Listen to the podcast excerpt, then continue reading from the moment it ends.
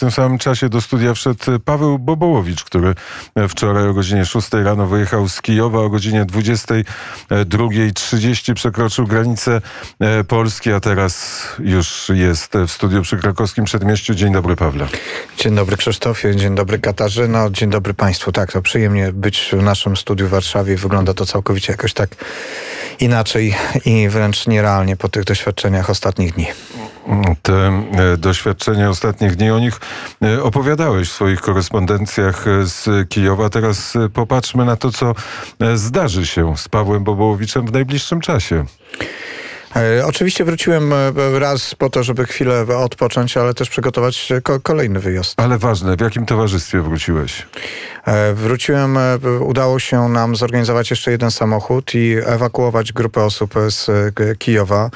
Wśród tych osób, które wywieźliśmy z Kijowa były trzy młode dziewczyny z Sewerodoniecka, czyli z tej miejscowości, która była objęta już walkami w 2014 roku, a ich życie tak się potoczyło, że teraz studiowały w Kijowie, więc drugi raz znalazły się w strefie walki.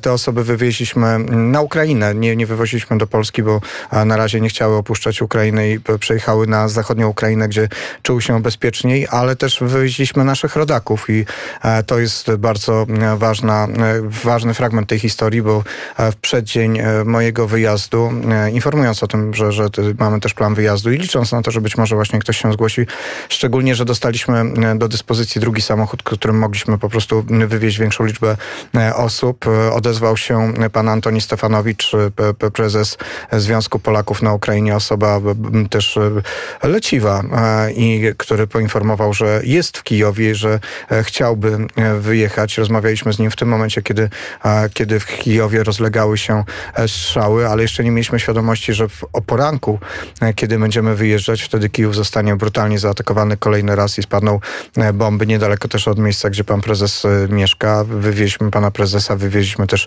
mamę wiceprezes Związku Polaków na Ukrainie, czyli wywieźliśmy po prostu tych naszych rodaków, których wiek, stan zdrowia powoduje, że absolutnie nie powinni się znajdować w takim miejscu jak Kijów, oblężony, oblężony częściowo oblężony przez wojska Federacji Rosyjskiej. Paweł Bobowicz wczoraj o 6 rano wyjechał z Kijowa.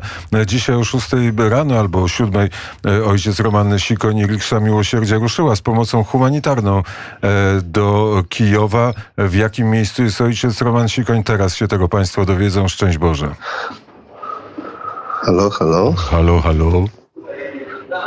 Tak, słychać mnie? Szczęść Boże. Pozdrawiam niestety nie z Kijowa, ale z Berdyczowa. Bo niestety nasza droga poukładała się niespodziewanie i 30 kilometrów od Kijowa dostaliśmy telefon od naszego biskupa, naszego też współbrata salezjanina, księdza biskupa Witalisa Krzywickiego, żeby jednak zawracać, żeby nie jechać do Kijowa.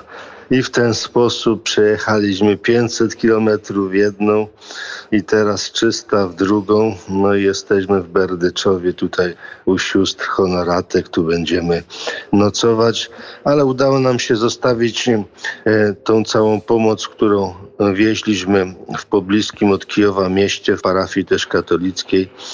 E, e, Fastin, Fastin e, to miasto i tam została ta pomoc, ma dotrzeć do Kijowa, także nie poukładało się to wszystko tak, jak żeśmy planowali, no ale lepiej, skoro dostajemy takie też wskazanie od księdza biskupa, no to trzeba biskupa słuchać i nawróciliśmy z powrotem. Biskupa trzeba słuchać, ale czy biskupa też można pytać? Czy ojciec zadał pytanie dlaczego?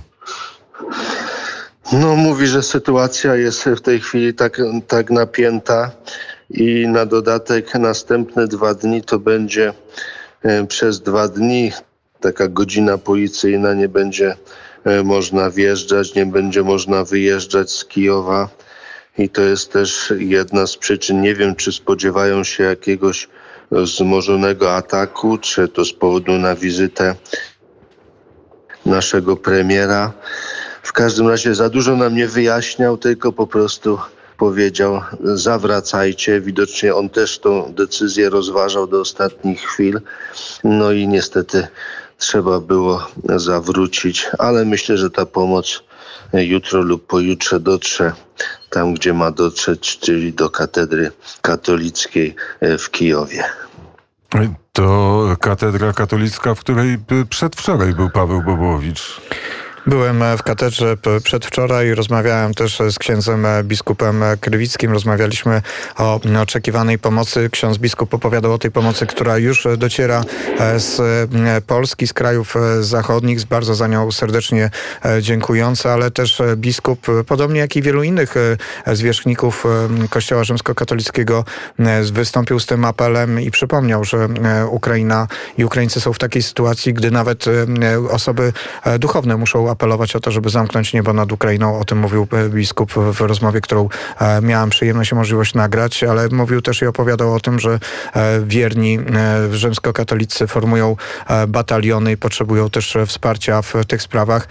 To niesamowicie brzmi, gdy biskup opowiada o tym, że jedną z największych potrzeb są kamizelki kuloodporne, mm, ale też taka pomoc jest potrzebna i to jest pomoc, która i ten głos płynie też z wnętrza Kościoła, także też warto, żebyśmy o tym pamiętali, że dzisiaj nasi współbracia, współ siostry na e, Ukrainie są w tak dramatycznej sytuacji, że e, pomimo wyznawanych przecież zasad i tego, e, tej cenności, jaką jest miłość do bliźniego, stanęli po prostu w sytuacji, gdy muszą walczyć i muszą też bronić się. Do tego są potrzebne nie tylko ciepłe koce i nie tylko żywność, która jest potrzebna w Kijowie, ale też między innymi na przykład kamizelki kuloodporne. Zarówno pa Paweł Bobołowicz, jak i ojciec Roman Sikoń mają doświadczenie drogi. Riksza Miłosierdzia wędruje po drogach i bezdrożach świata świata. Od, od, od Afryki do Berdyczowa. Dzisiejsze doświadczenie i to, co ojciec widział, jakie, e, jakie robiło wrażenie, e, jak wygląda ta Ukraina z okien Rikszy Miłosierdzia.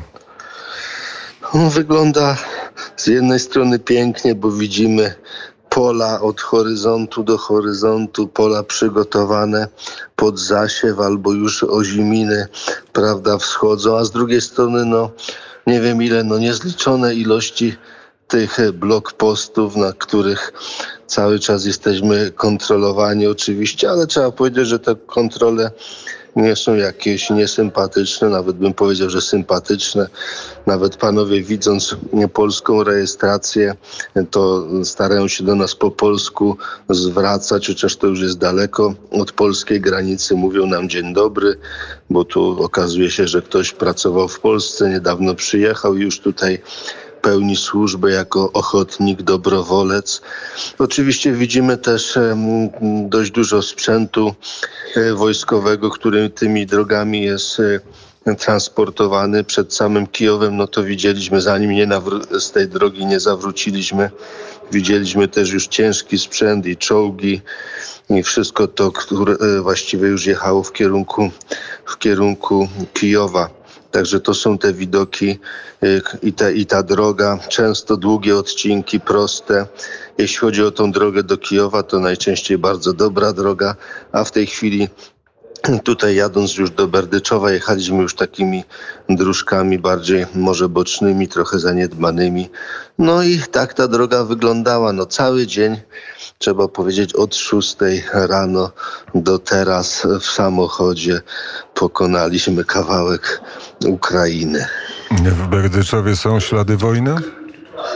W Berdyczowie tutaj jest, powiedziałbym, dość spokojnie, chociaż w tym momencie, e, kiedy e, tutaj e, przyjechaliśmy, znowu rozległy się syreny alarmu przeciwlotniczego, ale widzieliśmy też dość dużo osób, którzy chodzą po ulicach. Oczywiście te przygotowania do wojny też są, bo tam Urząd Miasta widzę obtoczony workami z piaskiem, okna też tymi workami z piaskiem założone, więc w każdym no w każdym miasteczku widać e, te przygotowania i tą gotowość do tego, że jeżeli przyjdzie taki czas, to będzie tutaj i ta ludność w każdym mieście, w każdym miasteczku będzie się bronić.